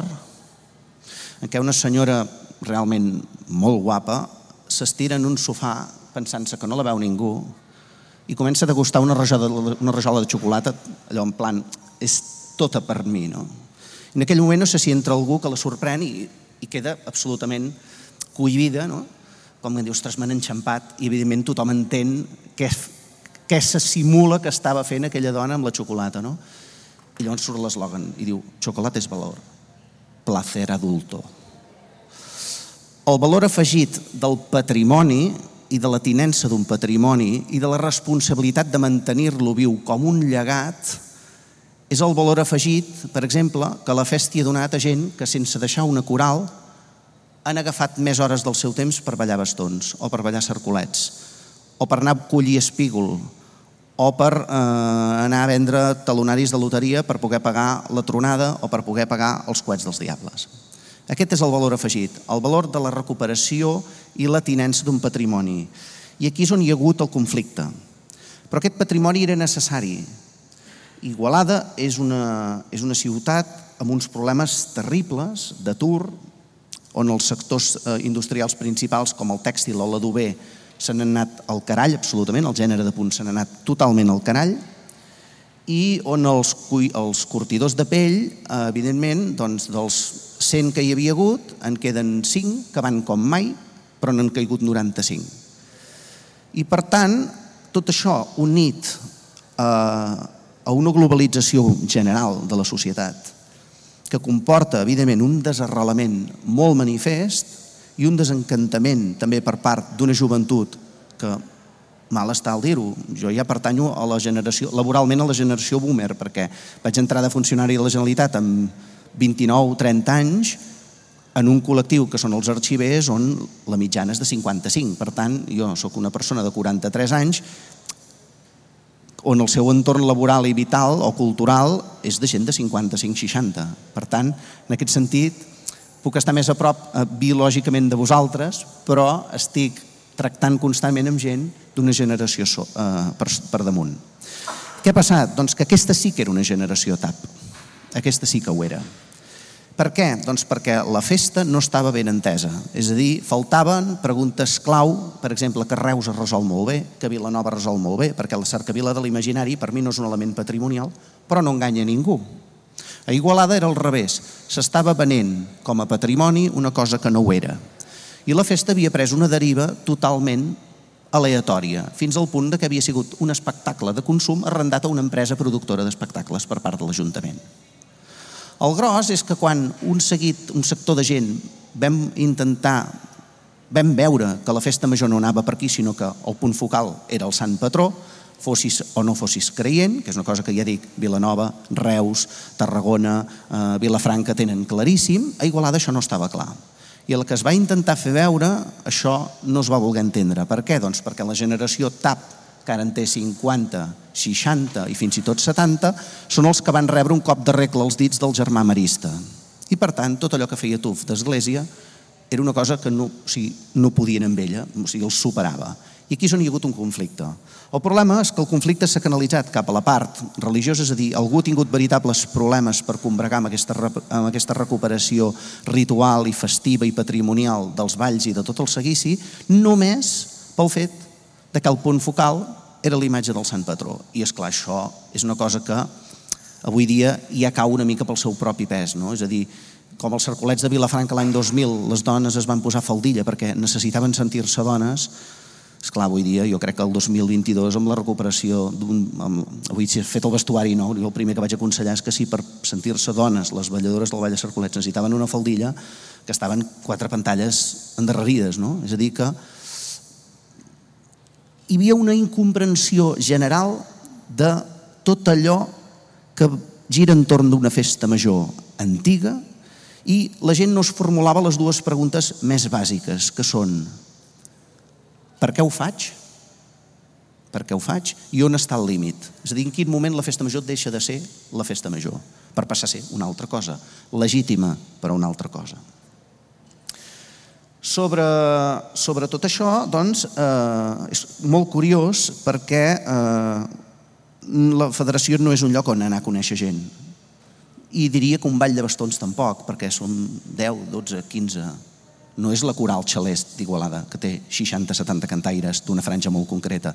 El ball de bastons hi pot haver gent de 40, que encara ballen, i gent de 18. Per tant, sí que conèixer gent, però no és on vas a conèixer gent. Aquí hem tingut la sort de que tot això se sustenta damunt d'un substrat que ja existeix, ben o mal mantingut i que es diu Festa Major. Allà ja hi ha comensalitat, allà ja hi ha concerts a la nit, allà ja hi ha tot un, un caldo de cultiu, un brou de cultiu, on aquest, aquesta coneixença i aquest, aquesta interacció de masses ja es produïa. El que no es produïa era la sublimació que donava a la festa major un valor diferent del d'una fira o d'un festival de concerts. I és aquí on la Festi ha intentat la gosadia de canviar de paradigma una festa que l'Ajuntament no volia canviar de paradigma. I per tant aquí hi ha hagut conflicte, i un conflicte sagnant, molt dur. Molt dur, molt, molt gratificant també, molt fascinant, molt apassionant, però una entitat que neix literalment com un gra a la galta esquerra de l'Ajuntament, que no, que no saben com, com, com, com, com rebentar-lo, diguem-ne, ara resulta que és hegemònica a nivell ideològic. Però, és clar, evidentment, seguim sense recolzament perquè l'últim que farà un tècnic o un ajuntament és reconèixer que no anaven bé. Ho reconeixen amb la boca petita, però no ho reconeixen. I, per tant, el problema que entronca amb les línies doncs, de, de desenvolupament que ens ha passat el Xachi són els diners, pocs, però que en fan falta i que no tenim, i els espais, perquè, evidentment, pots arribar a pagar unes figures d'uns gegants, però quan el constructor diu jo no sé què fer dels motlles, si voleu us els dono. Dius, home, si mai tenim una caiguda els podrem tornar a fer. Doncs els tenim de qualsevol manera en, un, en unes golfes que segurament ara si els, els volguéssim tornar a tancar per emmotlllar unes figures ja no ens encaixarien. És a dir, problemes d'infraestructura els més bàsics i que crec que són els comuns. El que passa que una coral com la trajectòria de Cinera i, el, i Cantiga o el Cor Madrigal, i, eh, etc., o el Coral Sant Jordi, tenen una trajectòria cultural on l'administració ja ha apostat més o menys, més o menys per aquestes entitats i tenen un local en condicions. Els xiquets de Reus és obvi, el vostre local fa una enveja increïble, no? Mentre que nosaltres tenim un, un sota teulada a l'Ateneu Igualadí que a més a més paguem un lloguer. Això ens condiciona moltíssim econòmicament perquè la gent paga, pot pagar una quota de 20 euros mig dissimulada amb, amb una samarreta que en val 12, doncs en guanyem 8 per persona i encara d'aquella manera i per tant doncs, el problema és, és exclusivament de diners i d'espais. De gent tenim més o menys la que fa falta. En podríem tenir més i ens aniria bé, sí, però no és aquest el problema. La gent va veient que som plaer adult i que per tant és un bon lloc on fer un pas iniciàtic cap a l'edat adulta. No és el mateix ballar a Cercolets a la Cercavila que munta l'Ajuntament dissabte, que simplement va d'un lloc a l'altre, que passar muntat damunt, damunt del pont de bastons dels pastors, davant de la porta de l'església amb tothom seriós i ni que ja no sigui una qüestió religiosa, tot pren una dimensió ritual que abans no hi era. I per tant la gent nota que allà, ha que allà passa alguna altra cosa, que potser no ho poden explicar. I precisament perquè no ho poden explicar, sabem que aquesta vivència hi és. Per què no la poden explicar? Què més? Eh, L'entitat, per tant, és una eina de cohesió, evidentment, però és una eina per obtenir una cosa, que és la recuperació patrimonial d'un patrimoni d'un llegat que era d'Igualada, que és d'Igualada i que hem assumit la responsabilitat que un ajuntament no assumia o no volia assumir. I aquí és on hi ha hagut el conflicte, repeteixo. És a dir, el conflicte és, curiosament, de qui és aquest patrimoni, perquè ara ja s'està començant a reconèixer, fins i tot en sectors que no ho veien bé, que això és un patrimoni. Aquesta, aquesta ha estat la contradicció. I també en el desvetllament d'una contradicció profunda és on hi ha hagut també part del conflicte. Si algú no pot sofrir eh, una cosa és que li demostrin que s'equivoca. Però si realment, ni que no ho pretenguis, vols molestar algú, eh, fes-li veure que es contradiu a si mateix. I és clar, gent que s'ha trobat, i perdoneu l'expressió, cagant-se amb Sant Bartomeu, però anant a veure tots els actes, bueno, doncs té una implosió interna terrible, no? I això és, és la festa, i això és la vida. Eh, també és important que nosaltres no hem plantejat mai l'entitat com un modus de vida. És a dir, la meva crítica, per exemple, a les colles castelleres, ja no hem parlat abans, és que on pot fer la vida sencera al, al local dels moxiganguers o al local dels xiquets, no? És a dir, no sé què fer, me'n vaig a fer una birra allà, ja trobaré algú. No, no, nosaltres això no ho tenim. Tu has de tenir la teva vida i estàs en aquesta entitat que es dedica a, fer, a treure el seguici. Fem un assaig de bastons i després ens anem a sopar? Evidentment. Evidentment que hi ha comensalitat, però la comensalitat és purament accessòria i és un element més que aprofitem perquè l'entitat funcioni. Però l'entitat, en principi, no produeix esgotament els responsables, i això és molt important. D'aquesta manera, les juntes van apareixent espontàniament, fins al moment, sense que això comporti excessius problemes. I per això parlava de senzillesa i de naturalitat. Evidentment, un president de festi pringa, però no pringa com pringues tu, sense cap mena de dubte. I el, i el pringar no és fer de psicòleg d'una doncs, persona que s'ha esbarallat amb una altra durant un assaig, sinó que és anar a implorar a una regidoria 300 euros per poder tirar coets a l'entrada del Sant. No? 300 euros. Doncs aquesta és la pantalla.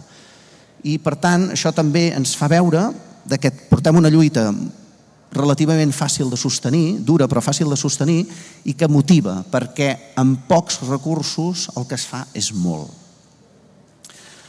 Eh, és una lluita que no té final, perquè tot element, eh, tot element mal anomenat immaterial tendeix a degradar-se, sí, el sentit de les coses tendeix a perdre's, tendeix a desdibuixar-se i això és, un, és una, una característica de la, de la societat globalitzada. No?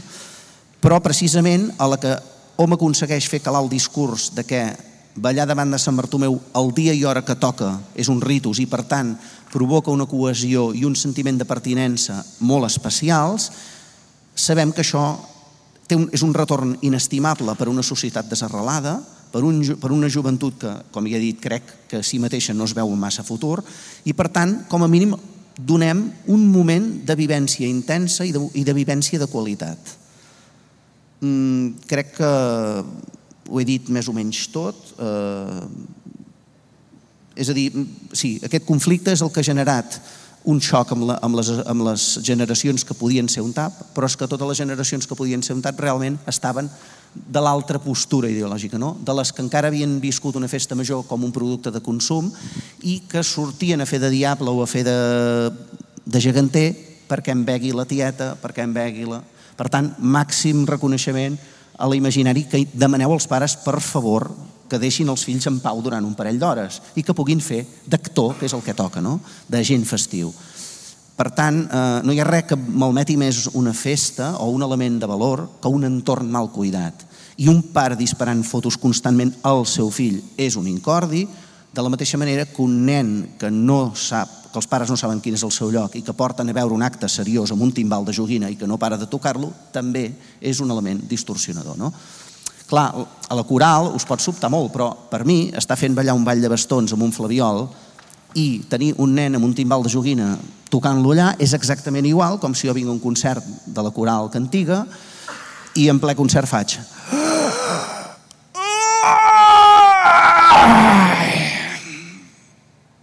Clar, això, que fa molta gràcia, doncs a la festa passa. I passa perquè, desgraciadament, en aquest país la festa és patrimoni de segona. La cultura popular és la germana pobra de la cultura. I aquí, deixo anar, tenim un problema. Molt bé, gràcies, Daniel. No, no esperava menys, de... t'havia guardat pel final com a bona traca. Ara, eh, tots hem anat prenent notes, tots heu parlat de temes diferents. A mi m'agradaria fer una primera conclusió, que ja l'ha fet el Joel quan anàvem per l'equinoxi d'aquesta jornada, que és que hem parlat, afortunadament, eh, hem parlat molt poc de la pràctica, ja han anat bé els vídeos que han dit, ei, mira, aquesta gent fa això, i hem parlat molt comportaments, d'emocions, de sentiments, de psicologia, ens hem atrevit a dir, no? de com es relaciona la gent, no? de sociologia, de la societat, de les microsocietats que són les vostres entitats. A mi m'agradaria que cadascú fes una mica què li ha sorprès dels altres. Fem unes intervencions, òbviament, més curtes, però si us sembla bé, comencem pel, per la Mariona i la Clara de la, de la Coral Cinera, que fan, són les que fan més estona que estan escoltant perquè han estat les primeres a intervenir. Què és el que més us ha sorprès del Joel, la Ruth i el Daniel? Ara, eh, així de, de sobte, clar, el, el que, el que m'ha sorprès, dic, la feinada que em porta a mi aquest any que sóc la cara visible del cor, no? li diem bueno, la presidència, però hem decidit canviar-li el nom, uh, que és un cor de 17 persones i, i ostres, quina comparació amb 200, no? Uh, si, ja, si ja tinc tota la dedicació i el 24-7, uh, que tot estigui al dia, està pendent, que també em diuen de, que hauria de delegar més la feina, i, però és, és complicat eh, trobar l'equilibri entre el patiment que tot funcioni després de tants anys de, que hi ha hagut eh, onades de, de millors i pitjors no? I, i, i la confiança amb els altres, amb tot l'equip de que som una junta i, i la, la gent té un càrrec per al, perquè tot allò avanci. Uh, he pres, he pres també el, uh, que tenim um, sort de, de poder tenir un espai amb, amb condicions que, que no, no crec bueno, ho, ho valorem perquè anem i, i a l'hivern tenim calefacció, a l'estiu tenim aire condicionat, vull dir, uh, senzillament, o, bueno, senzillament, no. I, i ostres, és, és algo que, que no totes tenim la sort de tenir i ser conscients de que, de que som privilegiades. Uh, bé, ara, ara mateix m'han vingut aquests, aquestes, dues, uh, aquestes dues coses al cap. Sí, una de les preguntes que plantejàvem és els espais són atractius, no? Si els espais eren atractius pels joves. Uh, en el vostre cas, és atractiu... bueno, teniu un espai, no? Comencem per aquí, comencem per la base i a partir d'aquí uh, és prou atractiu uh, el vostre espai, els Lluïsos? Clar, allà als Lluïsos hi ha un, eh, es fa un lloguer de sales, aleshores, um, bueno, allà, a la mateixa sala que assagem nosaltres, assaja Cantiga o, o les altres corals, i crec que s'utilitza per altres activitats d'allà mateix. Esteu còmodes, en tot cas, Molt eh? còmodes, sí, sí. Molt còmodes. Fixeu-vos que el Joel ha inspirat una part del gran canvi que van fer els xiquets de Reus en la idea d'una reforma del local. Vull dir, és molt important això, o què? Sí, sí, totalment, i per això ho, ho volia remarcar, perquè la idea de la reforma local, evidentment, perquè per la pràctica castellera s'havia d'actualitzar, i necessitàvem una xarxa, totes aquestes noves mesures de seguretat que s'han anat implementant, l'objectiu principal era obrir el local a la ciutat, que no fos el local dels xiquets de Reus, sinó el local on assagen els xiquets de Reus, però on el jovent de la ciutat hi va algun dia a fer una cervesa i va algun dia a veure un dir, assaig. molt fàcil de dir, molt difícil de, de com es materialitza, no? Bé, eh, això va ser un gran esforç, com deia, 600 socis i sòcies, la segona entitat per darrere del centre de lectura, i la, la reforma va costar més de 300.000 euros wow. i es va fer avalada amb una cooperativa, evidentment, amb COP 57, però es va fer avalada pels mateixos socis. Hi han socis que a dia d'avui encara van recuperant cala- calarons, perquè ens entenguem, però sí, sí, eh, aquest va ser la forma que vam trobar més ètica, més assembleària, més de, de sentiment de pertinença, que és una cosa que, que ha dit eh, el Daniel i que no he tractat prou, però al final eh, una de les coses que et porta a implicar-te és el sentiment de pertinença, no? Sí que l'entitat és l'eina, però a banda d'això, jo crec que el sentiment de pertinença... Un orgull. Sí, l'orgull pel color de la camisa, per l'escut, per l'entitat, per la colla, digueu com vulguis, no? Però eh, no, no vull relacionar-ho amb els esports, però al final és el teu equip, és el teu. És molt mediterrani, això, eh? Vull És el teu. Som a la Fira Mediterrània, és un i, és, molt és el, que, el que en molts moments t'ha portat moltes coses positives, igual que la coral t'aporta moltes coses positives i probablement acabaríeu o podríeu cantar si marxéssiu d'aquí amb un altre coral, però no seria el mateix.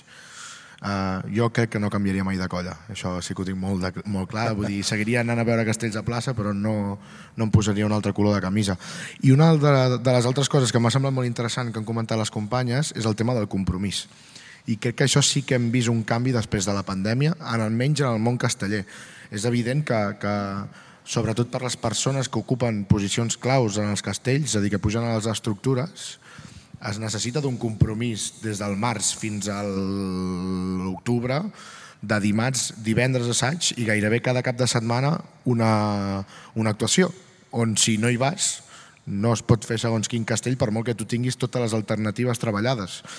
I això abans de la pandèmia era un, hi havia un compromís interessant perquè al final doncs, formar part de les estructures és com diguem-ne formar part de la no m'agrada gens aquesta expressió, però de l'elit de la colla, és a dir, les cares visibles, però això, jo crec que la pandèmia sí que aquí, ens, a totes les entitats i sobretot al target del jovent, la pandèmia molta gent li ha pres molt de temps que ara vol recuperar, però sobretot li ha demostrat que hi ha moltes més coses a fer que no pas eh, tancar-te a fer castells des del març fins a l'octubre. I per tant el nivell de compromís a exigir ara mateix és el mateix que abans de la pandèmia, però el nivell de compromís no és el mateix. Allò, allò que diuen ara de l'individualisme. Exacte, sí, individualisme o, o, o fins i tot et diria um, pares, de, pares i mares de família o parelles que abans tots dos participaven activament, uh, doncs si ara hi ha un cap de setmana que tenim dues diades i ells se'n poden anar amb la furgo o se'n poden anar amb la família al càmping o el que sigui, doncs la prioritat és aquesta i no és la colla, cosa que abans no passava. Vinga, Daniel, una cosa, sí, jo, no, no, sí, sí que m'he fixat una cosa, que, que la cultura popular també té un problema, que ha esdevingut, o sigui, pot ser una eina de cohesió social i fins i tot d'integració de gent nouvinguda, però no ha de ser la eina. És a dir, no podem, no pot ser que un país basi bàsicament en, la, en els castellers i els, les colles sardanistes o com a vehicle d'integració de la gent, no? perquè això també fa que, la, que quedin sobreexplotades, o sigui, s'està, és un manantial que té, té, un, un, té un cabal, no? la, la xeta raja amb un diàmetre d'aigua i s'està abusant d'aquest diàmetre. No? Llavors l'aqüífer s'asseca. Crec que també que, que, que, que una de les claus de l'èxit també de la cultura popular és que ara hi ha, hi ha, hi ha oferta, però és que n'hi ha tanta que potser ens estem passant de frenada. És a dir, havia sentit eslògans fa 5, 6 anys, 7 anys, som un país gegant. Per què? Perquè tenim 4.000 gegants. Bueno, però heu vist com són aquests gegants. Perquè l'Instagram de Fail Clore va, va, va ple eh, de caigudes de gegants i d'imatgeria que podríem qualificar d'infecta i feta de qualsevol manera. Aleshores, mm, que també hi ha, evidentment, també hi ha corals que són, que són terribles, no? Però, però ostres, eh, jo crec que una coral terrible no, no, no assoleix mai una, una, una, una fila capdavantera, no? És a dir, hi ha un filtre de la qualitat en el món coral que, que, que en la cultura polar jo no el veig, no? I crec que aquest excés d'oferta també provoca una saturació de mercat i, i fins i tot, el, el món, per aquí el món casteller és un paradigma, per mi és el que més, sí. clar, quan tu ets en una colla castellera ja no és un tema de compromís, jo puc, tenir, puc voler anar a tots els assajos, però jo aniria a assajar una colla castellera per actuar 5 vegades l'any, no per actuar 27 vegades l'any. I jo canto en el cor d'homes d'Igualada i fem 3-4 concerts l'any, no en fem 25. És a dir, hi ha un problema també de compromís perquè la gent no la pots cremar perquè la cultura popular eh, es viu i, és, i és, és, un, és una flama que, que hi és i, que, i és un caliu que, que, amb el qual vius, però no vius per això. Jo no visc per això, o el meu, en el meu cas sí, però jo sóc molt raro, eh? perquè el patrimoni és el que a mi em dona sentit la vida, el patrimoni en totes les, en totes les dimensions. Però jo no visc per tocar el flaviol amb els bastons d'Igualada. Visc per fer música, visc per, no visc per pujar al cavall Bernat, visc per sortir a fer excursions, eh, no visc per anar a dinar al Bulli cinc vegades l'any, m'agradaria anar-hi una vegada a la meva vida. És a dir, i això també farà que la vegada que vagi al Bulli tingui una qualitat. Per mi els xiquets de Reus sou el pilar sortint de completes. Allò són els xiquets de Reus per mi. I no és un tema religiós, és un tema que, punyeta, Hosti, quin pilar ha caminat, tu. Eh? I quina entrada plaça, no?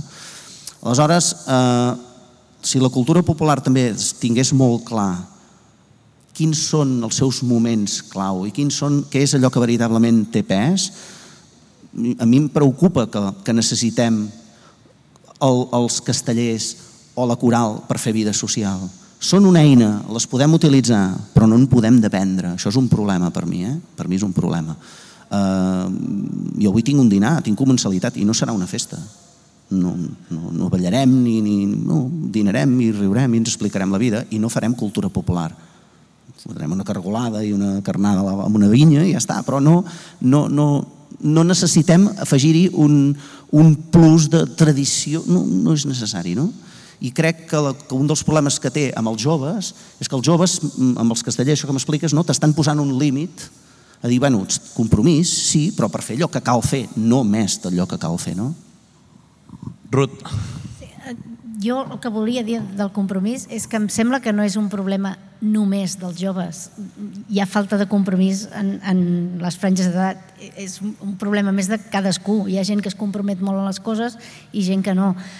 Eh, el que està clar és que en el nostre cas, que sortim un dia molt concret, és molt més fàcil demanar a la gent que, que participi activament però tot i amb això, dins el col·lectiu de 50-60 persones que estem dels monitors, els nivells de compromís són molt diferents i no només en els joves, eh, o, o no, o, o no per, precisament per part dels joves, eh, en totes les franges d'edat. I jo des, de, les, de les exposicions de tots també m'ha sobtat el tema del Joel.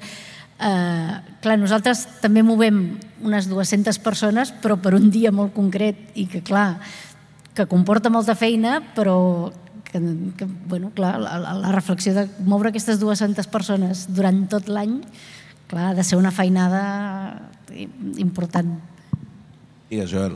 Només voldria afegir una cosa a la, a la reflexió que ha fet el, el Daniel, que és veritat que jo crec que ja abans de la pandèmia en el món casteller perquè és, és el que em toca, no? però, però en el món geganter també, on potser diguem-ne que, que la, el tema de la qualitat és més evident que a vegades brilla per la seva absència, um, jo crec que eh, ja començava a haver-hi certs corrents o certes colles, eh, certs ambients en els que començava a veure que tot plegat estava sobredimensionat.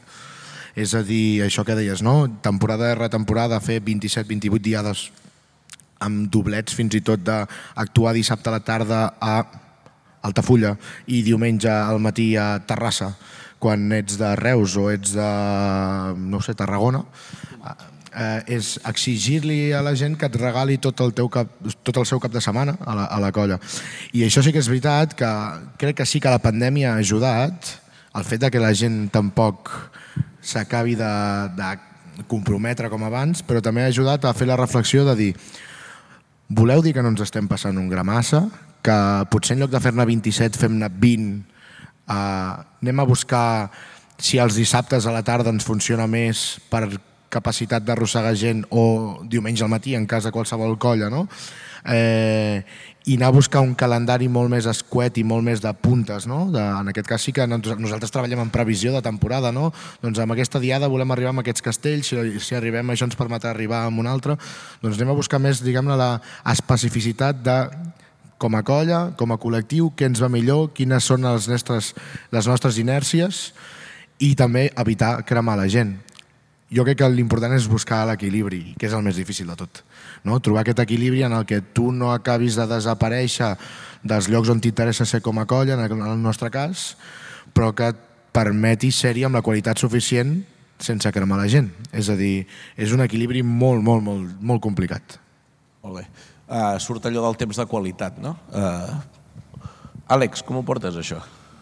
Com ho portes? Ja quasi ho tenim. Què necessites? Un minut? Dos? 20 segons. Doncs en 20 segons donarà temps a l'Àlex ens explicarà ràpidament què ha sigut tot això que hi ha aquí darrere. Jo no sé si us reconeixeu una mica, però hi ha un de cada. Uh, en tot cas, ha fet aquest núvol de paraules que ens explicarà i què, vol, què volen dir aquests fils. Uh, Agrair-vos molt que hagueu vingut, les vostres reflexions. Uh, si ho voleu tornar a sentir perquè en teniu moltes ganes i si no aprofito per saludar la gent que ens escolta pel podcast i la gent que també ens veu per la gravació que estem fent d'aquesta Fira Mediterrània. Uh, i abans de fer la cluenda que uh, ens farà la directora general de Cultura, la Helena Molla uh, a l'Àlex no sé si han passat els 20 segons i col·loca la última paraula que és exactament temps. Vull dir finiquitada i perfecta. Uh, Àlex, va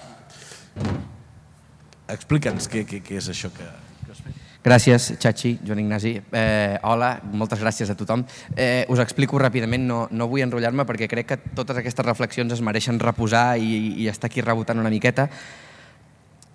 Quan se'ns va proposar, això ho hem fet jo i la meva companya, l'Ona, eh, ella no ha pogut ser-hi avui perquè té feina, però quan ens van proposar la, la idea de fer una intervenció artística aquí a, a la jornada Miralls, va haver-hi dos eh, conceptes claus. Un era teixit, eh, associacionisme, que això, sent de Vilanova, allà ens referim molt al teixit, no? teixit associatiu, i ràpidament vam fer el link. Ah, no, teixit associatiu, sí, eh, era un concepte format per dues paraules. Eh, pensant en teixit, vam començar a rondar-li al cap idees eh, de, de fil, no? de, de filar. Vèiem la part artística de, de, de, de poder fer una cosa també en directe, no? que no era simplement portar una il·lustració o portar aquestes imatges, sinó que també apostàvem una mica per al fet de que s'anessin construint a poc a poc mentre anaven donant les intervencions. Us explico una mica ràpidament quin ha estat el concepte. Eh, pensàvem en fer una imatge representativa filant cadascuna de les... Eh, que sigui una mica representativa de cadascuna de les entitats o eh, grups, eh, federacions d'entitats que s'hi presentaven. En el cas dels xiquets de Reus ha estat molt, molt, és molt explícit, vull dir, és la forma del castell amb el que vam trobar més semblant al color avellana i bueno, una mica els colors i motius castellers que fan el castell que puja eh, cap amunt i creix. En el cas de la coral cinera aquí ha estat una mica més abstracta. Eh, volíem donar-li una mica la, la, la idea d'aquesta aquest, mena de, de semicercle en el qual es disposen les diferents veus d'una coral i de construir una mica aquí sí que hem apostat més per, per anar-ho veient en viu com es construïa que per la imatge final que ha quedat, que és una mica més abstracta. Simplement això representa una mica el, el, aquests semicercles i al final amb la intenció de, de, de construir una miqueta el pentagrama doncs aquestes cinc línies que surten cap a, cap a diferents direccions, també una mica pel tema del teixit, l'associacionisme i les connexions que es fan. Si permeteu. Eh, per representar Festi vam, vam pensar, ostres, clar, eh, hi ha moltes coses mm, dintre de, del seguici, dintre de totes les petites entitats que en formen part, aleshores ens hem inspirat una mica en, la, en els guarniments de la Rambla per Festa Major. Sí, vaig bé, Daniel? D'acord saps que tens potestat total per tallar-me. Això són els arbres de la Rambla i són els guarniments que, que passen entre mig, ho vam trobar una imatge icònica i prou representativa. I aquí la cercavila de l'imaginari, que potser és la que he tingut més fàcil perquè sent de Vilanova doncs em toca una mica de prop tot el tema és una de les, de les barquetes, el Vall de les Barquetes que parlava la Ruth, Vall dels Pescadors, però mm, de manera ofici oficial, però oficiosa, Vall de les Barquetes, i aquí la, eh, la lluna del Vall de la Lluna Noncova. La idea final de lligar-ho tot amb diferents paraules d'aquestes de... Disculpeu, d'aquest debat eh, final o d'aquesta ronda d'intervencions final, bé, connectar una mica amb aquestes paraules relleu, feina, qualitat, exigència, pertinença, espai, joventut, temps i compromís, que són una mica els conceptes claus que han filat tot aquest debat, eh, lligant-los amb les intervencions i qui recuperava cada cosa de, de cada lloc. Eh, fins aquí, res, molt, molt senzill. Moltes gràcies a tothom. I, però, i si em permet i si em permeteu, eh, moltes gràcies per totes les intervencions i per preparar-les tant. Això a mi no em toca, és més cosa de que afegir la cluent del Joan Ignasi, però ho he trobat molt interessant, ho he pogut anar escoltant tot mentre ho anava fent i, i que moltes gràcies a tothom per les reflexions. Ja està. Moltes gràcies a tu, Àlex. Per acabar, eh, sisplau, demanem que per fer la cluenda la, de l'Aina Moll i el Jordi Foses, eh, directora general de Cultura Popular i el director artístic de la Fira Mediterrània, i agrair-vos un cop més eh, les vostres reflexions, que les podeu eh, reescoltar, com hem dit, i en aquest vídeo compilat també que quedarà eh, a les xarxes i amb aquests podcasts que s'estan fent de, de la Fira, i a l'Àlex doncs, la seva intervenció que a veure què en fem, no? es quedarà aquí, és un fantàstic, un fantàstic fons perquè pugueu, pugueu fer la cluenda. Sí, sí. S'ha de portar tot alhora, eh, perquè està afilat. Exacte, haurem de transportar-ho entre, entre tots. Eh? Bueno, res, donar-vos les gràcies per participar, primer al Xachi, per preparar tots els continguts i per preparar tota la, la jornada. Moltes gràcies també a vosaltres per tot el que ens heu anat aportant eh, aquest matí. I des de Fira Mediterrània de generar aquests espais no? que portem des, dels, des del dijous al matí en aquest espai, de generar espais de reflexió entorn de, del món professional, del món associatiu, entorn d'aquest lema comú que tenim, no? que és aquest treball amb, amb la tradició, amb la cultura popular, i per tant eh, generar aquests espais és la nostra voluntat, no? més enllà de ser aquesta fira en què podem veure tota una programació artística desplegada eh, aquests quatre dies i veure espectacles i anar a veure concerts, és també ser aquest espai doncs, que ens ajudi a reflexionar i a mirar quins són els reptes de futur que tenim en tots aquests sectors no? que interactuen a la, a la fira. Per tant, res, moltes gràcies i a partir d'aquí, ara sí, després eh, convidar-vos a continuar gaudint de la fira aquestes hores que, que ens queden. Moltes gràcies.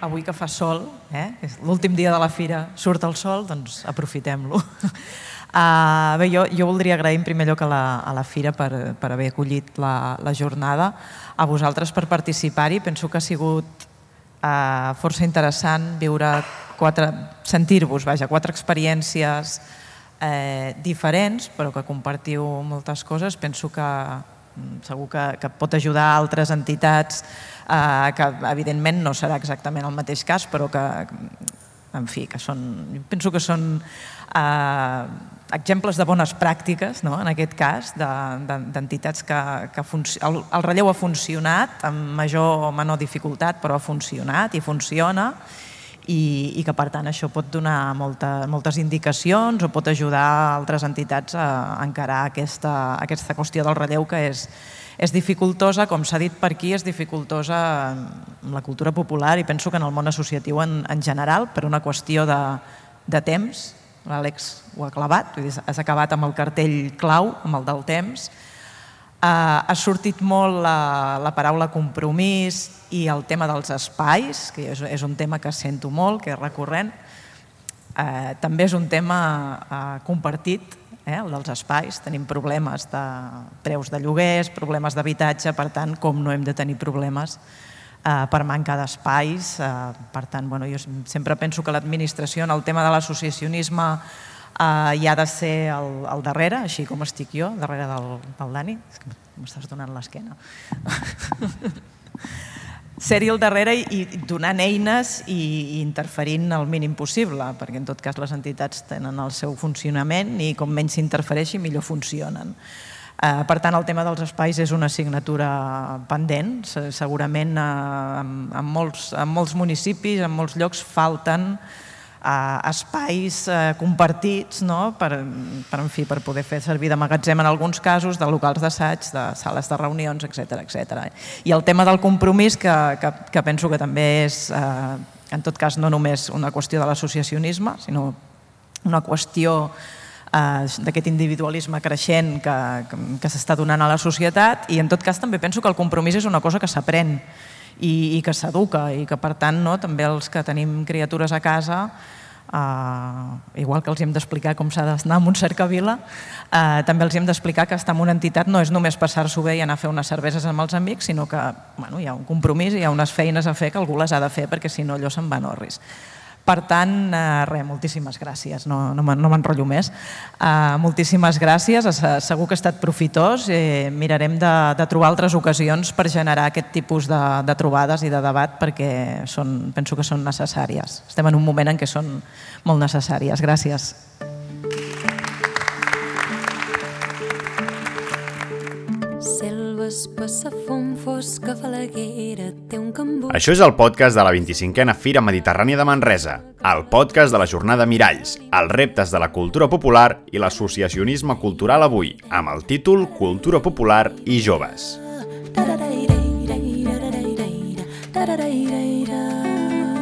Una jornada organitzada per la Direcció General de Cultura Popular i Associacionisme Cultural i Fira Mediterrània de Manresa.